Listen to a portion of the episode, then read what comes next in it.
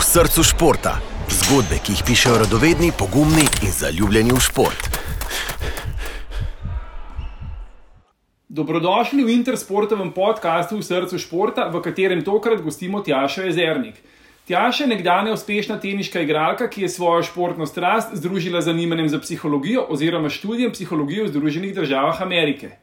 Danes se v glavnem ukvarja s psihološko pripravo teniških igralcev in tudi drugih športnikov. Med drugim je kar nekaj časa sodelovala z eno izmed najboljših slovenskih teniških igralk, Kaj Juvan. Tjaša je izjemno zanimiva sogovornica, ki ima obličen pogled v psihološko pripravo teniških igralcev, tako na profesionalnem, kot tudi na rekreativnem nivoju. Tjaša, pozdravljeni, kako ste? Uh, hvala, lep pozdrav tudi vam. Uh, odlično, lep dan, lepo vzdušje. Uh, tenis je šport, pri katerem psihološka priprava igra skoraj da enakovredno vlogo kot tehnika, taktika in telesna priprava. Uh, koliko pa je v tem oziru možno psiho natrenirati, oziroma v kolikšni meri je prirojena? Uh, jaz vedno izhajam iz tega, da se da ogromno stvari natrenirati. Um, od koncentracije do mentalne čvrstosti, do uh, sposobnosti sprostitve, umiritve, usmerjanja pozornosti na igrišču, v določenih situacijah, odzivi na določena dogajanja na igrišču. Uh, je pa predvsem dosti bolj enostavno, če mogoče otrok, ki se ukvarja s športom, že odrašča v nekem okolju, ki je orientirano k mojstrstvu, kar pomeni, da promovirajo njegov napredek, učenje, uh, ne, um, ozaveščajo njegove sposobnosti uh, njegov napredek. Uh, to je ena stvar, ko jaz mislim, da dosti in potem v nadaljevanju manjka. Zato, ker so vsi orientirani samo želja po uspehu ali pa se izogibajo porazu in pol nastane nek čuden miks med tema dvema stvarema. In uh, postanejo stvari vodene iz mesta strahu, kar pa na koncu ni vredno. Mi nekje hočemo, da je tisti športnik dela iz mesta poguma, dela iz mesta miru, dela iz mesta ljubezni do tega, kar rad dela na koncu, ker so mogoče na koncu to tiste lastnosti, ki na dolgi rok naredijo razliko, ki ne izčrpujejo organizma, ampak omogočajo nek enostaven. Razvoj tega športnika. Jaz mislim, da ogromno stvari se da natrenirati, tako kot na koncu forehand, backhand, kondicijsko pripravo, je pa stvar tiste discipline, uh, ker so to velike stvari, ko se dogajajo v nekem um, notranjem, privat svetu, pa niso čisto vedno vidne na zvonu. No, ampak točno taki so pravzaprav tudi najboljši teniški igralci, ki so tekom celotne zgodovine, v bistvu v psihološkem smislu, izjemno trdne in močne osebnosti. V zadnjem času, v glavnem, prednjačita Rafael Nadal, ki ga mnogi primerjajo celo s starodavnimi kitajskimi in antičnimi misleci. In pa seveda Novak Djokovic, ki je znan po svoji izjemni disciplini, organiziranosti in stabilnosti, ki se nedvomno kažejo tudi v njegovi psihi. Bi se strinjali s tem? Uh, ja, definitivno. Mislim, da sta to dva igralca, dobro, če še damo mogoče koga zraven. Ampak um, so to igralci, ki zaznamujejo zadnjo desetletje ali pa še več. In um, to, kar oni delajo, je, jaz mislim, da ne mogoče narediti, če njihova mentalna čvrstost, stabilnost. Uh, mirnost, uh, zavedanje njihovih sposobnosti ni na nivoju, kot je recimo njihov. Um, mogoče že sam neki eh, odzivi, njihovi odzivi na določene situacije na igrišču so konstantni.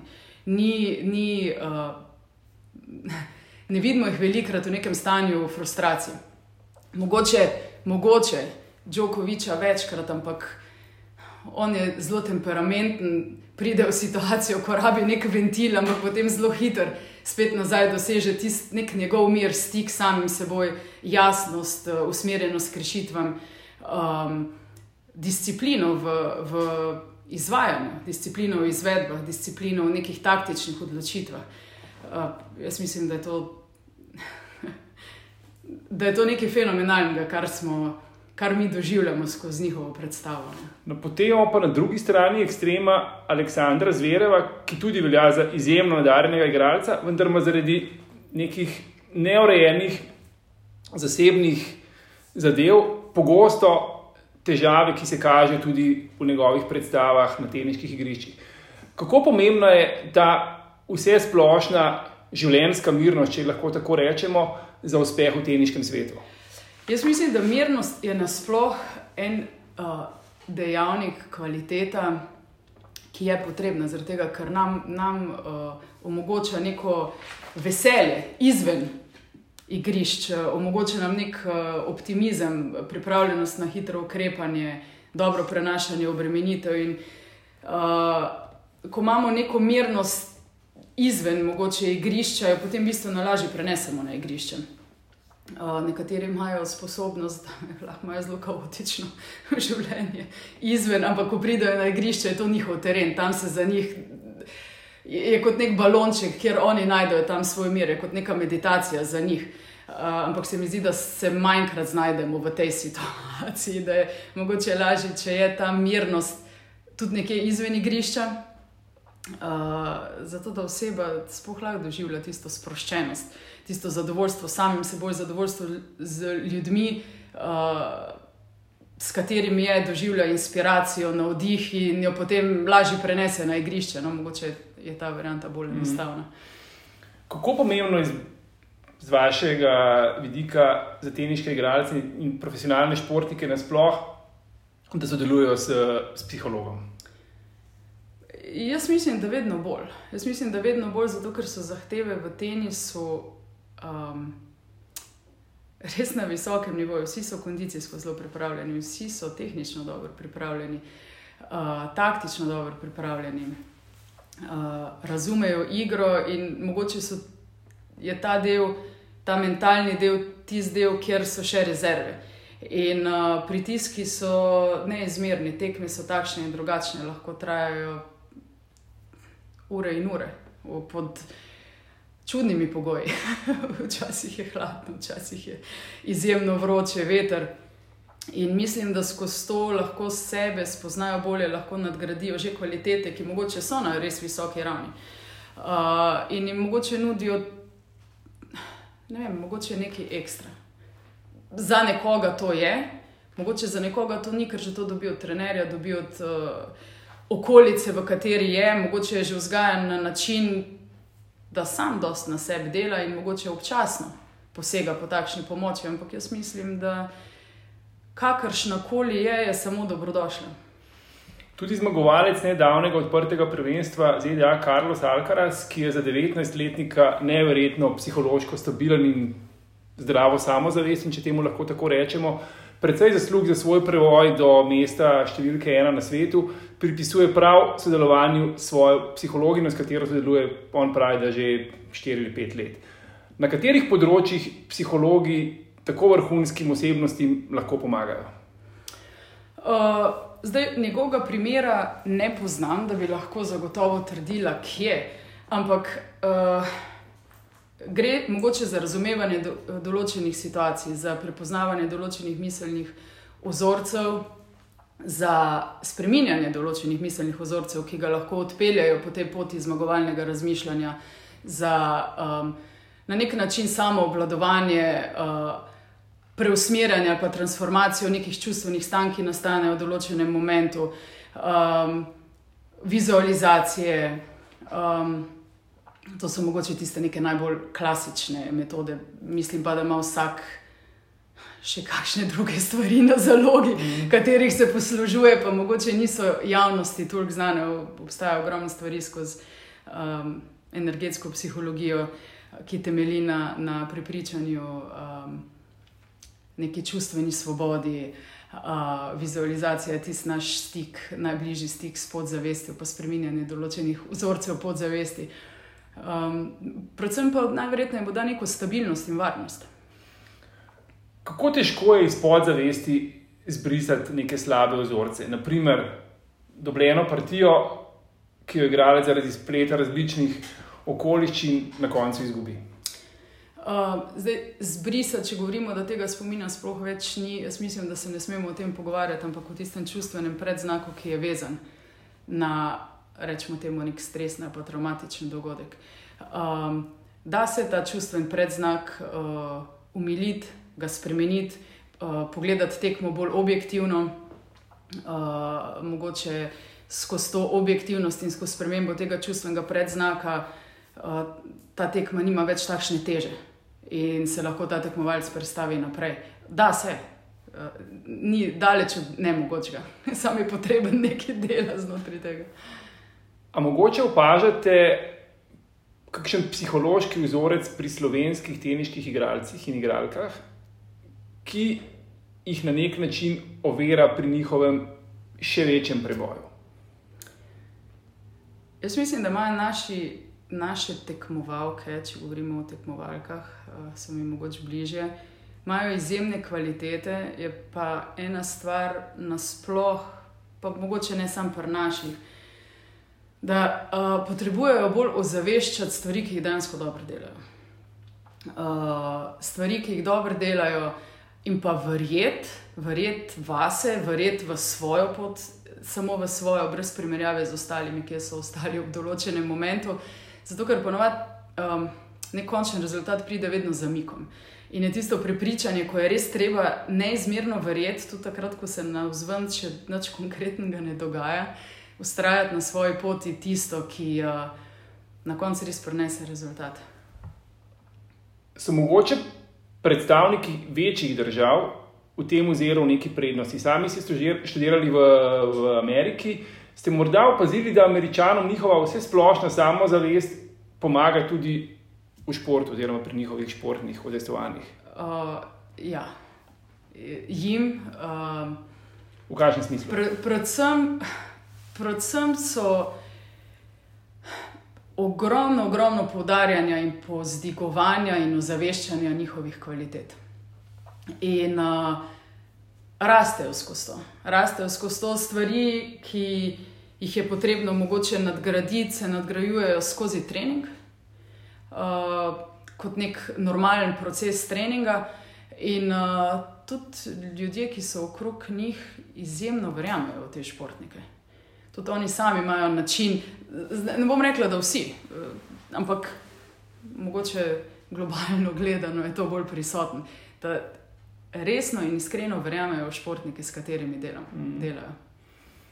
A lahko morda vse to preneseva v svet rekreativcev. Namreč tudi oni se udejstvujejo na različnih uh, klubskih tekmovanjih, turnirjih, ligah in podobno, in tudi tam, velja, uh, tudi tam vlada precejšnja tekmovalno, soočajo se z razno raznimi pritiski in tremami.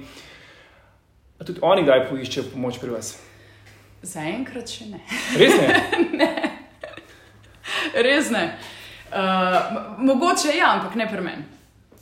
Uh, jaz mislim, da se jim to, ne vem, moje gledanje tega, da so mogoče, glede na to, da je nek rekreativen šport, uh, kljub temu vsi radi zmagujejo.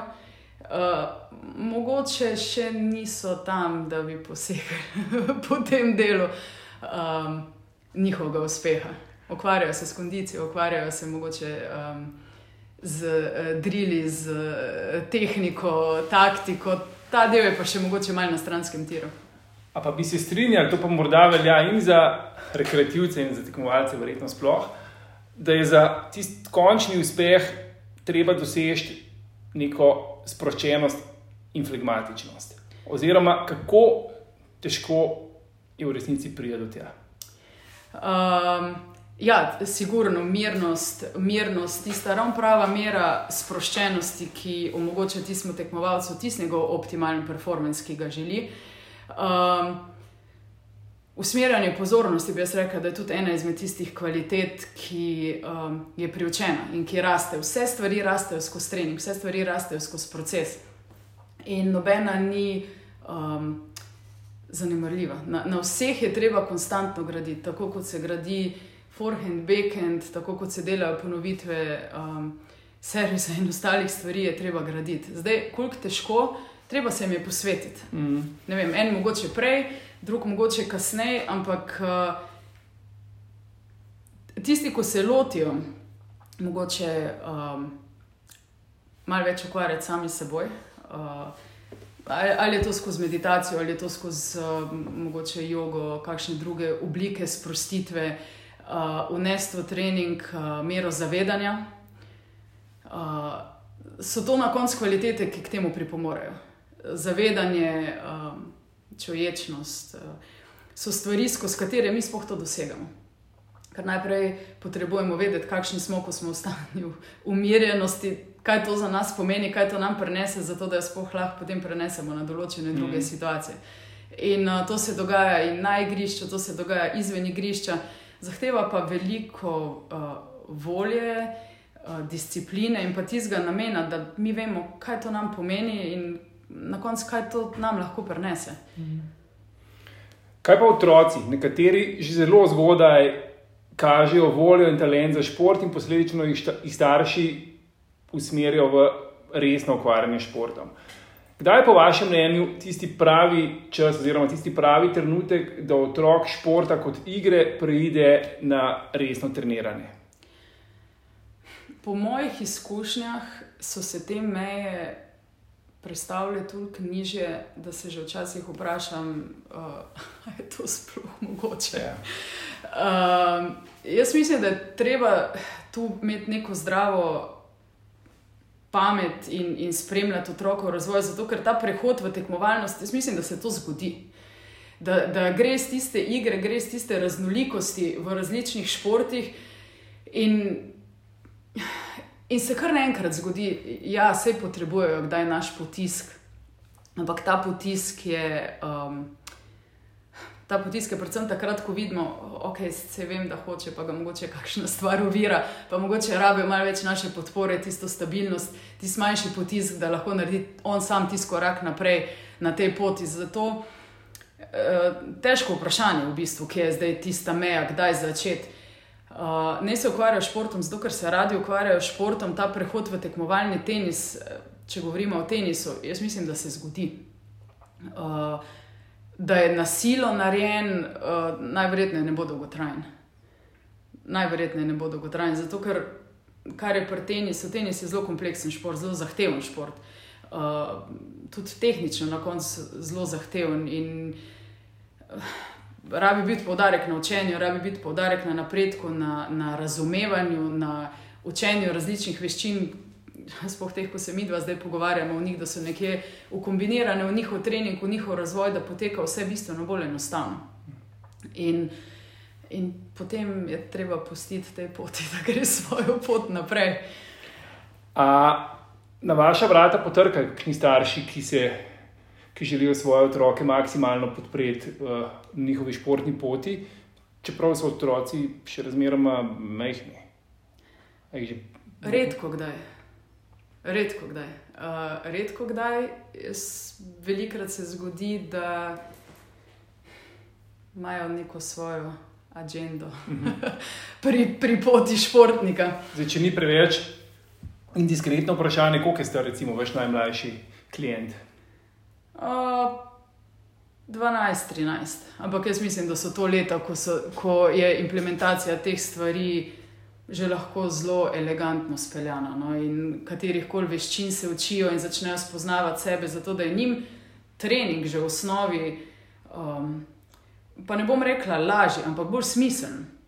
Zato da mogoče znajo zavesti določene stvari, da, da uh, lahko postanejo objektivni, da mogoče vidijo še malce drugačen vidik situacije in kaj je pravzaprav tisti način razmišljanja. Ki jih dolgoročno lahko ohrani v tenisu, ali pa odpelje, mogoče kasneje, še kam drugam, uh, Jaz mislim, da je to v redu začetek. No, morda bi naj en pogovor lahko zaključila z neko mislijo ali pa na svetom za vse starše, ki v svojem otroku prepoznajo velik športni potencial, kaj morajo narediti, oziroma kakšni so primerni naslednji koraki. Um, jaz mislim, da predvsem zaupati ljudem, strokovnjakom, ki delajo s tem otrokom uh, biti podpora temu otroku, uh, stabilnost, mu, mu nuditi stabilnost. Uh, mogoče se ne toliko upletati v sam proces treningov in pustiti prosto pot in otroku za razvoj, in trenerjem za neko prosto delo.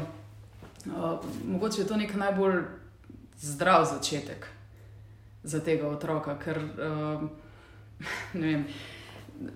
Mogoče neka smešna stvar, ki se je par dni nazaj zgodila. Grem, uh, hodim po mim, neke lokacije, kjer so na eni strani igrali otroci, nek določen šport, na drugi strani so bili starši. In, in gremo vmes po potki in, in se sprašujem, ne vem, otroci so bili verjetno stari, pa ne vem, 11, 12, mogoče, mogoče še mlajši. In trenere na igrišču se sploh ni slišali, starši eni so bili na ograji, drugi so se drli z tribun, otrok sploh ni vedel, koga ne posluša, kaj še je, da se bo na koncu ukvarjal s svojim užitkom na igrišču, s tem, kar zna, s tem, kar dela, z igro samo, z isto prisotnostjo na terenu, kjer je bil. To so šle informacije iz enega konca na drug konc, in, in hodim in se nasmejim, in si resno postavim vprašanje, okay, kaj, kaj je zdaj smisel tega. kaj je smisel tega? Sej, ne, ne gre v boje, ne gre v boje. Tjaša, najlepša hvala za pogovor. Hvala, enako. Poslušalci pa seveda še naprej vabim, da še naprej spremljajo naš podcast v srcu športa. Ostani v srcu športa. Prisluhni še več zanimivim zgodbam, ki jih najdeš na intersport.si.